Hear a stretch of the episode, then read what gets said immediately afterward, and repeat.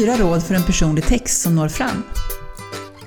För några veckor sedan skrev min kollega Ville ett uppskattat blogginlägg om vikten av att tänka på inte bara vad du skriver utan också på hur du gör det. Språket kan många gånger vara skiljelinjen mellan vad som uppfattas som bra eller dåligt content. Med ett bristande språkbruk riskerar du att tappa i trovärdighet och därmed minska dina chanser att nå fram med det du vill ha sagt. Men att skriva bra handlar inte bara om att skriva grammatiskt korrekt. Tonaliteten, det vill säga hur du uttrycker dig med de ordval du gör, är precis lika viktig när du vill fånga läsarna med en tilltalande text. På Häggvall och Sjöman jobbar vi mycket med det skrivna ordet och de flesta av oss är mer eller mindre språknördar. Vi pratar gärna om just hur vi uttrycker oss för att nå fram med det vi vill ha sagt. Jag passar därför på att plocka upp stafettpinnen där Ville lämnade den och dela med mig av min egen checklista för en personlig och mer lättillgänglig text. Det är fyra enkla råd som jag påminner mig själv om till vardags och som jag gärna sprider till mina kollegor och eh, alla andra som vill höra på. Råd nummer ett. Skriv som du pratar. Det första rådet är å ena sidan det mest självklara och å andra sidan det som många tycker är svårast att följa.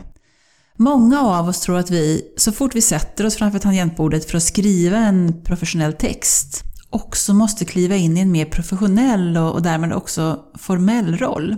Och att vi med det måste anamma ett annat språk än det vi använder till vardags. Mitt råd är att inte gå i den fällan. Att försöka visa på sin kompetens genom att använda akademiska uttryck eller presentera företagets storhet med avancerade fackuttryck, det gagnar ingen. Inte den som tvingas ta sig igenom det du har skrivit, inte dig som behöver kämpa med att hitta ett annat uttryck än ditt personliga. Om du fokuserar på att skriva som du uttrycker dig till vardags ökar chanserna att du får ihop en text som både känns mer personlig och som blir mer lättillgänglig för den som ska läsa.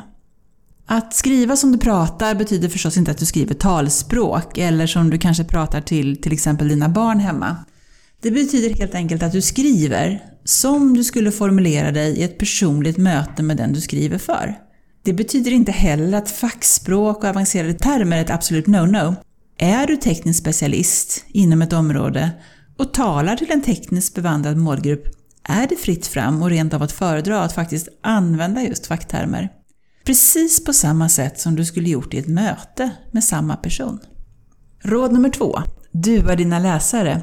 Det andra rådet det handlar om att tala till var och en av dina läsare som en individ, en person. De flesta av oss är inte talskrivare som skriver texter som ska framföras för en större publik. Och med handen på hjärtat, hur ofta sitter du och dina kollegor och läser en text tillsammans? Ändå ser vi ofta hur texter talar till sina mottagare som ni, er och era. Inte minst på många B2B-företagssajter. Mitt råd till dig är att istället använda ett du-tilltal för att skapa en mycket mer personlig känsla. På samma sätt funkar det oftast att använda dig istället för er. Vill du punktera hur du kan hjälpa inte bara din läsare utan en hel grupp omkring henne eller honom passar du och ditt företag eller du och dina kollegor ofta alldeles utmärkt. Råd nummer tre. Undvik ordet man och säg vem du menar. Ordet man kan uppfattas som ett helt oskyldigt litet ord som ingen borde bli förargad på. Och ändå så skulle jag våga påstå att det är ett ord som återkommer alldeles för ofta i helt vanliga svenska texter. Problemet är att det är ett sånt slätstruket och allmängiltigt ord att det tar udden av den mest inarbetade text. Det finns också en risk att det faktiskt blir svårare att förstå vad du försöker förmedla om läsaren själv måste gissa sig till vem du menar med ditt man.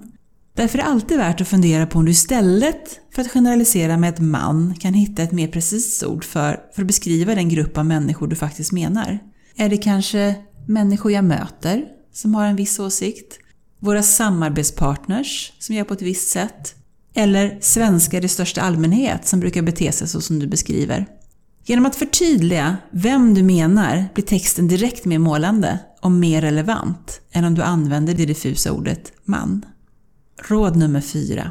Kunden är inte kund i sina ögon.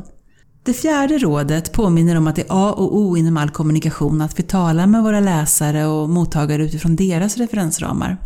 Det är inte helt ovanligt att företag på sina webbplatser och i andra kanaler berättar om hur de hjälper sina kunder. De beskriver hur kunderna återfinns i olika segment och visar på framgångsrika projekt som de har gjort för sina kunder. Det är lätt glömt att de tilltänkta läsarna är just de som är, eller har potential att bli kanske, företagets kunder.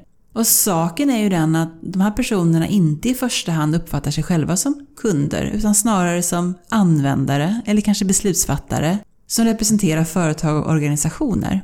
Så mitt råd är därför att låta bli att prata inifrån ditt eget företag och byta ut ordet kunder mot tillverkande företag, e-handlare, kommuner och landsting eller organisationer beroende på vem det är du vill nå fram till och kommunicera med. Det här är mina fyra råd för en mer personlig text som blir både enklare att skriva och mer träffsäker. Håller du med? Har du kanske en egen checklista som du förhåller dig till när du formulerar dig i skrift? Dela gärna med dig en kommentar eller hör av dig direkt till mig om du vill ses över en kaffe och diskutera vidare.